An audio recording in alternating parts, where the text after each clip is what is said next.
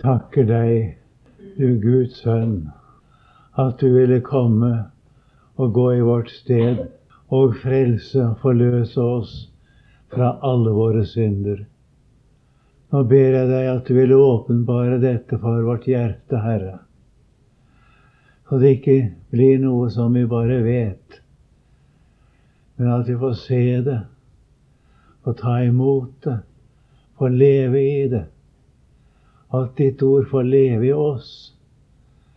At ditt ord kunne nå andre mennesker gjennom oss. At de kunne være vitner om deg, Jesus, fordi du selv har lagt ditt ord inn i oss. Nå ber jeg om å få alt fra deg, Herre, når jeg nå skal prøve å bære det frem. Det er umulig for meg, dette, men jeg ber om å få alt ifra deg i ditt navn. Amen. Jeg vil først få lese fra profeten Jeremias kapittel 30. Det er vers 21, og så nevner vers 22, forresten. Det står i Jeremias 30, 21 om Messias. Hans herlige, det er altså Messias, skal være av hans egen ett. Og hans hersker er fremdeles Messias, det. Utgå av hans midte. Og jeg vil la ham komme nær og han skal trede frem for meg. For hvem vil ellers våge sitt liv og komme meg nær, sier Herren. Og I skal være mitt folk, og jeg vil være eders Gud. Amen. Det skulle komme igjen, rett ut av menneskeslekten, av den ett som han representerer. Han kalles Hans Herlige. Det betyr at han kommer fra himmelen. At han i sin person er en åpenbaring av Gud. Det sies så rett ut også at Jesus er avglansen av Hans herlighet, står det i brevbrevet. Og at du ser hvem Gud er i Jesus. Og Jesus bruker også sterkt et uttrykk at 'den som har sett meg, har sett Faderen'. Og i sannhet er han den herlige. Endog i sin fornedrelse, mens under sitt jordeliv, så kunne de si vi så hans herlighet. Det er en herlighet som Jesus skjuler under sitt jordeliv, som ikke åpenbares før han kommer igjen. Det er domsherligheten. Den åpenbaring av Guds hellighet som dømmer den er skjult under hans jordeliv. Men den herlighet som åpenbarer hans frelsende kjærlighet, den ser vi. Vi så den, sier apostelen.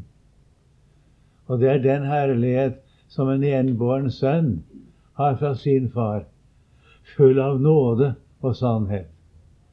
Det er hans herlige, og han er av hans egenhet. Han er et virkelig menneske. Og det er jo aldeles ufattelig. Jeg nevnte det også i går. Han altså, ved hvem og til hvem alle ting er skapt. Og uten ham er ikke noe blitt til av alt som er til. Det sier Guds ord også uttrykkelig i Johannesvangeliet. At det er Han som er menneskesønnen. Han er menneske med stor bokstav. Det mennesket hvorigjennom Gud virkelig har sin plan og sin idé med mennesket. Han utgår altså av vår egen ett. Han er et menneske, Hans herlige. Og han er herskeren. Han hersker på en ganske annen måte enn mennesker tenker seg det å herre, ha herredømme. For vi tror jo det at å herske er det samme som å utfolde makt over andre. Menneskene tror at det at å undertrykke andre, det er å herske. Så er det stikk motsatt. Og mange spør i dag hvor er det blitt av det at Jesus har all makt i himmel og på jord. Og de spør fordi hans allmakt i menneskers øyne ser ut som avmakt. Og menneskene har ikke evne til å erkjenne Guds allmakt. Men det har jeg ikke tid til å si noe om akkurat nå, da. Men det er hans hersker. Han utgår altså av menneskeslekten. Han er et virkelig menneske. Dette mennesket blir altså en representant. Og representant betyr stedfortreder. Han trer frem. Jeg vil la ham komme nær, sier Gud. Og så føyer han til og han skal tre frem for meg. Nå er dette hebraiske ordet å tre frem, det er jo en, en fylde av betydning i det som ikke er mulig å få med en norsk oversettelse. Å tre frem Vi har også på gresk da, det har samme betydning i hebreerne 7.25 også. Der står det på gresk, da riktignok, men samme sak på en måte.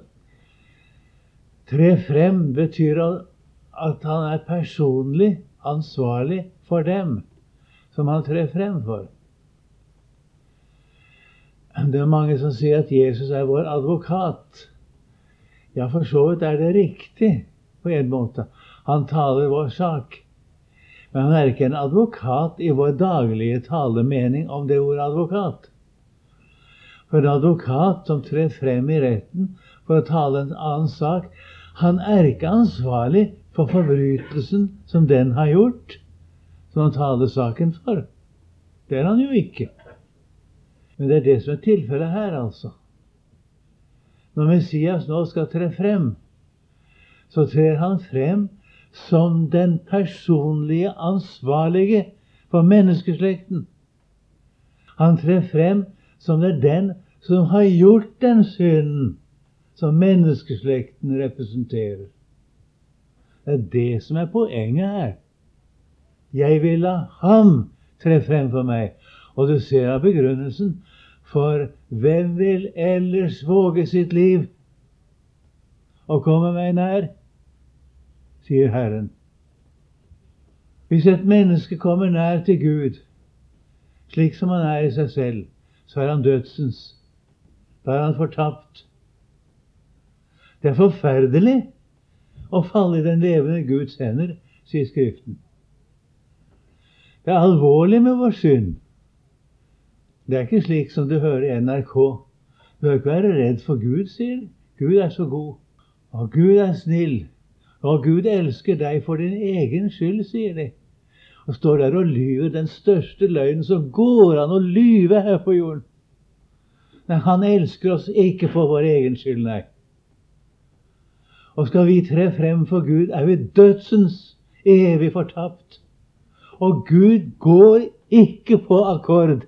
Det er sikkert. Hvem vil ellers våge sitt liv og komme meg nær? Du og jeg kunne ikke komme Gud nær slik som vi er i oss selv. Og vi har all mulig grunn til å være redde for Gud, vi mennesker, hva oss selv angår. Det er jo sannheten, og det er det som Gud så sier. Og når et menneske begynner å se dette, så sier han som det står i Salme 116 i vers 11.: Jeg sa i min angst jeg sa i min redsel Jeg har brukt et sterkt ord der. Jeg sa i min redsel Hvert menneske er en løgner. Her står egentlig hele mennesket er løgn, og hele menneskeheten er løgn. Det betyr alt dette på en gang. Menneskeheten er løgn. Alle mennesker er løgn. Jeg er løgn. Det er sannheten av oss. Det nytter ikke å si det at du skal ikke være redd for Gud. Og sannheten er at et menneske har all mulig grunn til å være redd for Gud. Det har Gud sett.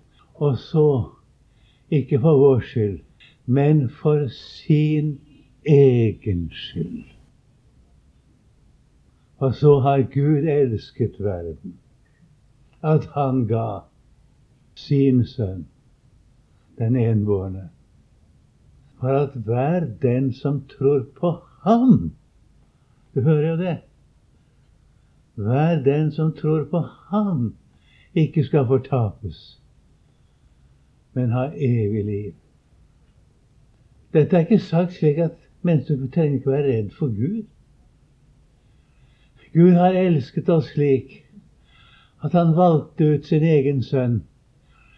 Men for at Guds sønn kunne gjøre dette, så måtte han selv inn i menneskeheten. Han måtte selv være menneske.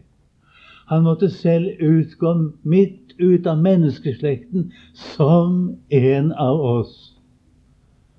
Og det er noe merkelig med oss mennesker. Det som gjelder én, det gjelder alle. Og her er det én som kan ta på seg alle sak. Jeg vil la ham komme nær. Han skal tre frem for meg. Og hvem vil ellers våge sitt liv og komme meg nær, sier Herren. Det er dette som er evangeliet. Evangeliet er ikke en hvilken som er trøstelig tale om Guds nåde. Og Det blir sagt mye om Guds nåde i dag som leder menneskene inn i avgrunnen istedenfor til frelse. Vi snakker om Guds nåde som om ikke det var så nøye med synd. Men det er nøye med synd. Og det er farlig å synde. Men Herren er nådig. Han sendte en stedfortreder for at du og jeg skulle være fri. Jeg vil la ham trede frem for meg. Og altså, han skal tre frem. Og har nå, fordi det nå er fullbyrdet i nytestamentlig tid Han har trådt frem som den egentlige ansvarlige for hele menneskeslekten. Hvem vil ellers våge sitt liv? Og fordi han har gjort det, så skal vi få være hans folk. Det gjelder alle dem som tror på denne Messias. I første rekke gjelder det jo Israel selv, at de skulle være Guds folk fordi han sendte Messias. Og det gjelder alle som tror. Vi er Guds folk i ordets egentlige mening. Alle som tror. Selv om Israel sånn rent åpenbaringsøkonomisk sett står i en særstilling her i verden, så gjelder jo dette hele menneskeheten. At for hans skyld skal vi få være og tilhøre Gud. Vi skal være Guds barn og tilhøre Gud. Vi skal da videre lese fra Det nye testamentet nå, fra Johannes evangeliets første kapittel. Og da skal jeg lese et ord som dere ofte har hørt og lest, men som dere ikke kjenner godt. La meg understreke det. Det verste jeg hører, er når noen sier 'Jeg skal lese et ord som dere kjenner godt'. Nei, kjære venner, det gjør vi ikke. Og hvis vi mener om oss selv at vi kjenner noe godt, da har vi aldri kjent det slik som vi bør kjenne det, sier Gud. Og jeg har arbeidet med dette hele mitt liv, men jeg kjenner det slett ikke godt. Jeg er takknemlig til Herren for det Han har åpenbart meg i ordet. Men det er meget, meget, meget mer å se enn det jeg ser. Og vær klar over det, og ikke minst dere som står frem og vitner og leser ord som andre har hørt ofte, at dere må ikke si at dere skal lese ord som vi kjenner godt, for det er ikke sant. Ikke kjenner du det godt selv, selv om Gud har vist deg noe i ordet. Og selv om det ofte er lest og talt, så er ikke det sant at du kjenner det godt. Og dertil kommer at vi hver eneste dag er avhengig av Guds hellige ånd, at Han opplater vår forstand så vi kan forstå Skriftene. Ellers skjønner vi ingenting. Og det er ikke noe vi har fått en gang for alle. Vi er avhengig av det hver eneste dag, også nå i denne stund her. Så vi sukker om Den hellige ånd mens vi taler, og mens vi hører. Det er Johannes 1, 29-34. Johannes evangelium, kapittel 1, vers 29. Dagen efter ser han Jesus komme til seg og sier, Se der! Guds lam som bærer verdens synd. Det er ham om hvem jeg sa. Efter meg kommer en mann som er kommet foran meg, fordi han var før meg. og jeg kjente ham ikke. Men for at han skulle åpenbares for Israel. Derfor er jeg kommet og døper med vann. Og Johannes vitnet og sa, Jeg har sett Ånden komme ned som en due fra himmelen, og han ble over ham. Og jeg kjente ham ikke. Men han som sendte meg for å døpe med vann, altså Gud, han sa til meg, Den du ser Ånden komme ned og bli over, han er den som døper med Den hellige ånd. Og jeg har sett det, og jeg har vitnet at han er Guds sønn. Jeg kunne ha lyst til å spørre har du sett dette. Se der, sier Johannes. Har du sett der? Har du sett ham? Det er gripende at på en gravskrifter står det 'Jeg så ham'. Har du sett ham? Og det er alvorlig å tenke på at mange mennesker har ikke sett ham, og kommer aldri til å få se ham. Det er vondt å tenke på.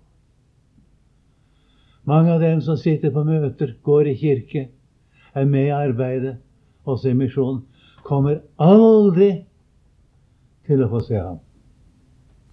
Hvorfor det? Fordi det ikke er av sannheten. De vil ikke ta Guds dom inn over seg selv. De vil ikke høre sannheten. Spesielt ikke hvis vi kommer inn på ting som er vanlig anerkjent blant kristne, og Gud vil kaste lys over oss og vise oss at det står ikke så vel til alt hos oss. Så protesterer de. Er farlig. Å se der, å få se Ham, det forutsetter at vi bøyer oss når Den hellige ånd taler om oss selv, og at vi kommer derhen, som jeg sa i sted, at vi ser i vår angst at hvert menneske er en løgn. Det skal nå til å se det. Jeg vet det, du. Kjære deg, jeg vet det. Alle de gangene Herren har avslørt meg opp gjennom årene, og ikke minst i den senere tid. Å se seg selv og måtte si til seg selv om seg selv finnes ikke sannhet i meg. Det er ikke lett. Men da kommer sannheten, for sannheten er Guds ord. det. Sannheten er Jesus selv. I Johannes første brev tales om dette. Og det står at om noen sier at han at han altså hører Gud til og vandrer i mørket, da lyver han. Og så står det og sannheten er ikke i ham. Og likedan, hvis vi sier at vi ikke har synd, da bedrar vi oss selv, dårer oss selv, og sannheten er ikke i oss. Og hvis vi sier at vi ikke har syndet, står det i siste vers i dette første kapittelet hans brev, dersom vi sier at vi ikke har syndet, da gjør vi ham til løgner. Og hans ord er ikke i oss. Du ser alle disse uttrykkene at når Guds ord ikke er i et menneske, så er ikke sannheten i et menneske. Det er samme hvor from og fin han er menneskelig sett. Dette må vi få se. Og dette må vi innse. Gå med på. Erkjenne. Da er det håp. Da kan vi begynne å se og få se ham. Se der, sier døperen. Han taler til sine egne disipler, og de hadde et stort problem, disse disiplene. De hadde bekjent sine synder. De hadde bøyd seg, og de hadde tatt imot tilsagn om syndernes forlatelse gjennom Johannes. Det vet vi. Men de hadde et problem. Synden hang så fast ved dem. Og for å si det på vår, vår måte Hva skal jeg gjøre med min synd? Hvordan skal jeg bli kvitt min synd? Hvordan skal jeg bli kvitt dommen som jeg kjenner i samvittigheten? Sånn var det med meg første gang Eller første gang det var sånn med meg, skulle jeg si. Det var da jeg i min ungdom virkelig overga meg til Gud for alvor. Da fikk jeg et problem. Min synd! Å, da ble det et problem.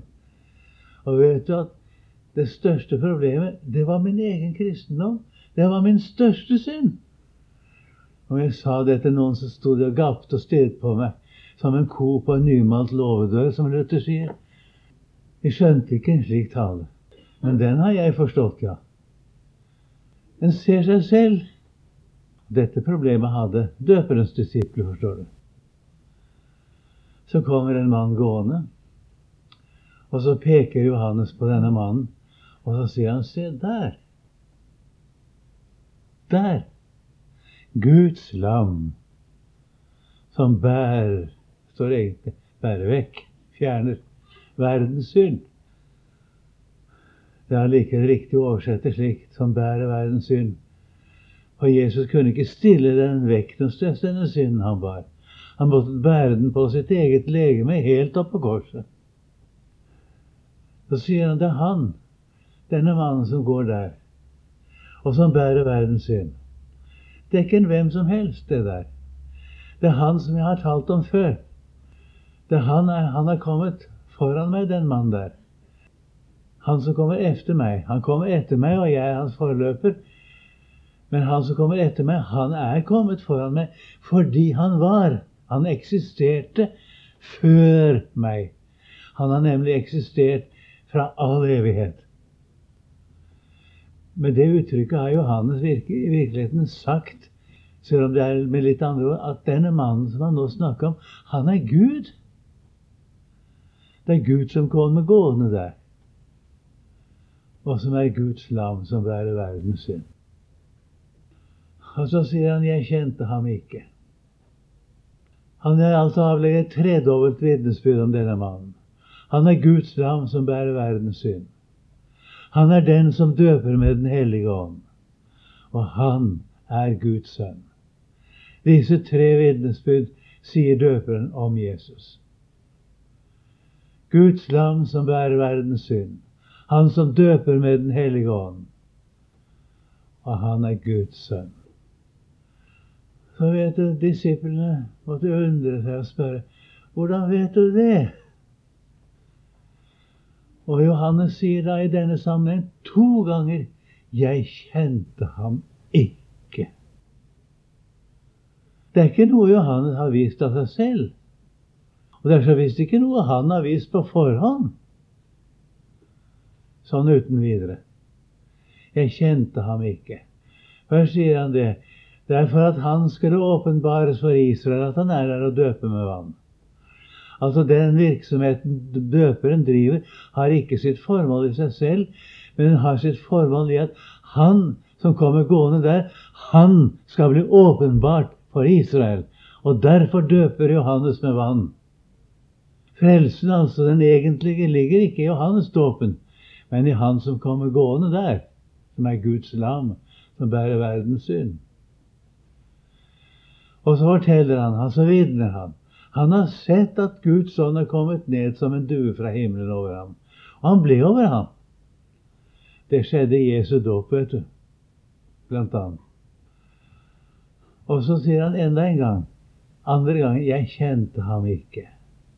Men han som sendte meg for å døpe med vann, altså Gud, han sa til meg at den du ser Ånden komme ned og bli over, han er den som døper med Den hellige ånd. Og jeg har sett det. Og jeg har vitnet. Han har sett det, og derfor kan han vitne. Han er Guds sønn. Det var da han døpte Jesus, at Johannes ble klar over hvem Jesus egentlig er. At Jesus, han er den som skal komme. At Jesus er Guds sønn. At Jesus bærer bort verdens synd. At Jesus, han døper med Den hellige ånd. Det ble Johannes klar over den dagen Jesus kom. Og nå skal vi derfor lese ordet om Jesu dåp. Det står i Matteus evangelium det kapittel 3, vers 13-17. Da kom Jesus fra Galilea til Jordan, til Johannes, for å bli døpt av ham. Altså, han kom ikke for å være tilskuer. Han kom for å bli døpt av ham. Men han nektet ham det og sa, 'Jeg trenger til å bli døpt av deg, og du kommer til meg.' Du vet at Johannes han hadde jo en sjelesørgerisk samtale med hver og en som kom for å bli døpt. Han kunne ikke døpe noen uten at han skjønte de bekjente synd. Det står i Matteus 3,6 at de ble døpt av ham i elven Jordan idet de bekjente sine synder. Så Derfor har han hatt en samtale med hver enkelt. Og det ser vi i et nærbilde som Lukas sier. Kommer soldat og bekjenner synd og blir døpt. Det kommer en skjøge, bekjenner synd og blir døpt. Det kommer en tyv og bekjenner synd og blir døpt, osv. Og så kommer Jesus gående visse mellom disse her. Og så snakker naturligvis Johannes med Jesus, og så skjønner han plutselig her er han, det eneste syndfrie mennesket så skjønner han hvem det er. Her er det eneste mennesket som ikke har bruk for den dåpen jeg døper. Han skjønner da at dette er jo han som Gud har varslet ham om skal komme en dag. Han som altså Ånden skal komme ned og bli over. Det er han som står her nå, det skjønner han. Og så har jo Gud sagt han skal døpe med Den hellige ånd. Og så sier Johannes det er jo jeg som trenger til å bli døpt av deg. Du er kommet for å døpe med Den hellige ånd. Den dåpen trenger jeg. Og så isteden kommer du til meg, du som ikke har synd. Det er logisk, det. Han nektet han det. Det er sagt så veldig ordknapt. Det har vært en underlig situasjon.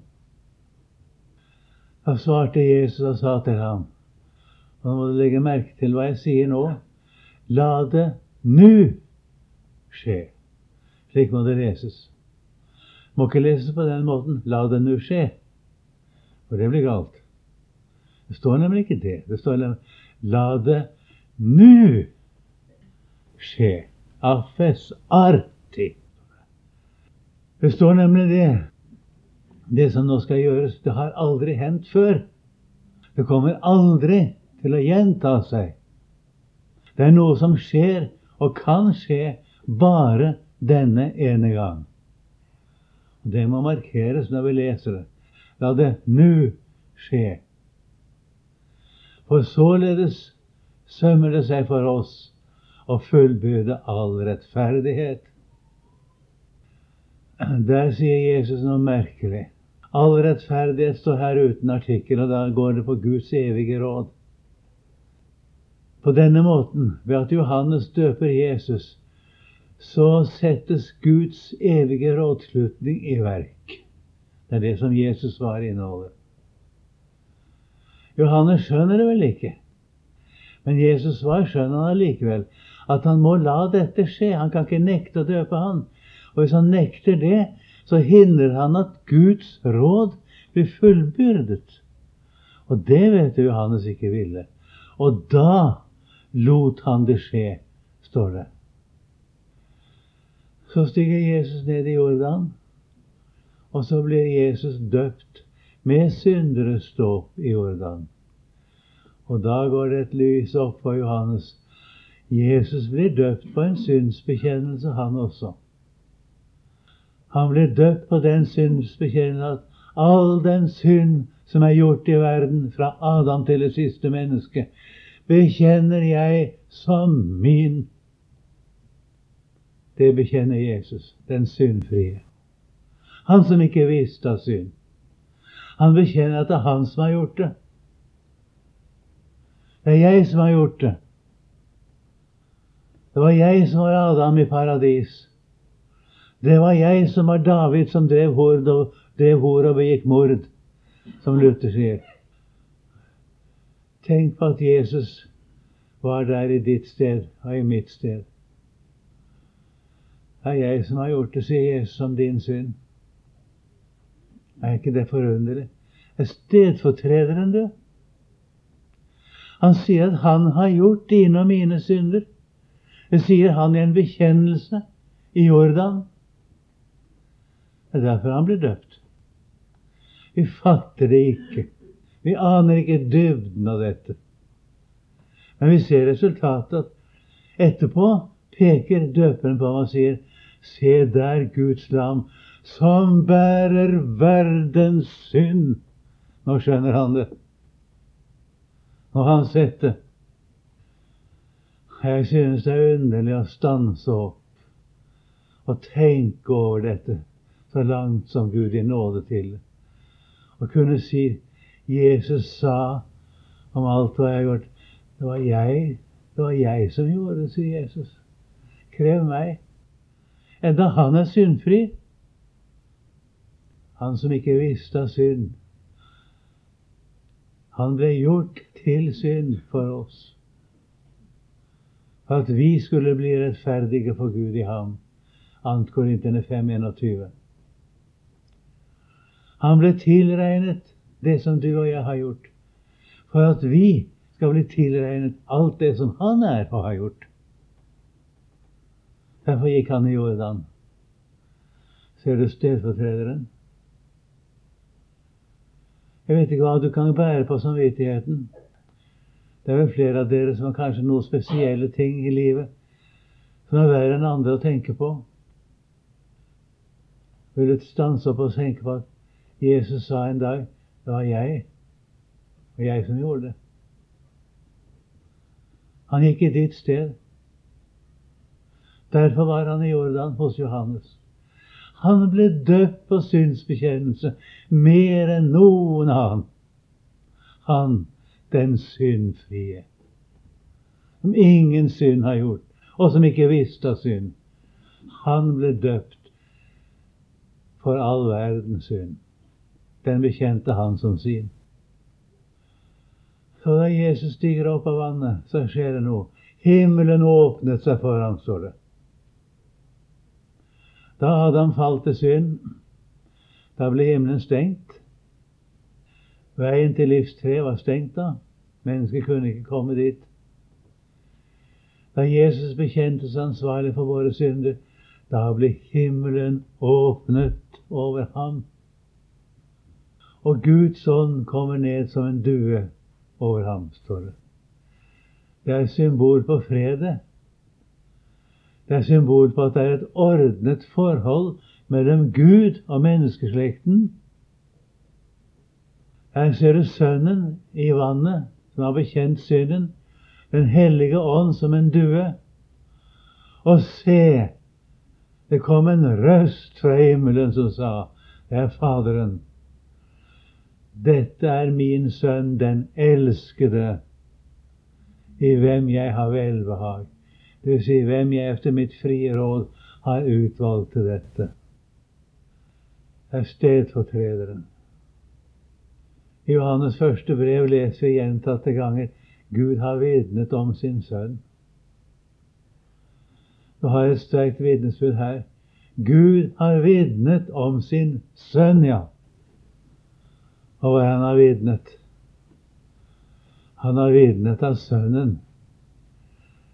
Han er utvalgt av Faderen til å bære hele verdens synd. Og til ham har Gud gitt oss det evige liv.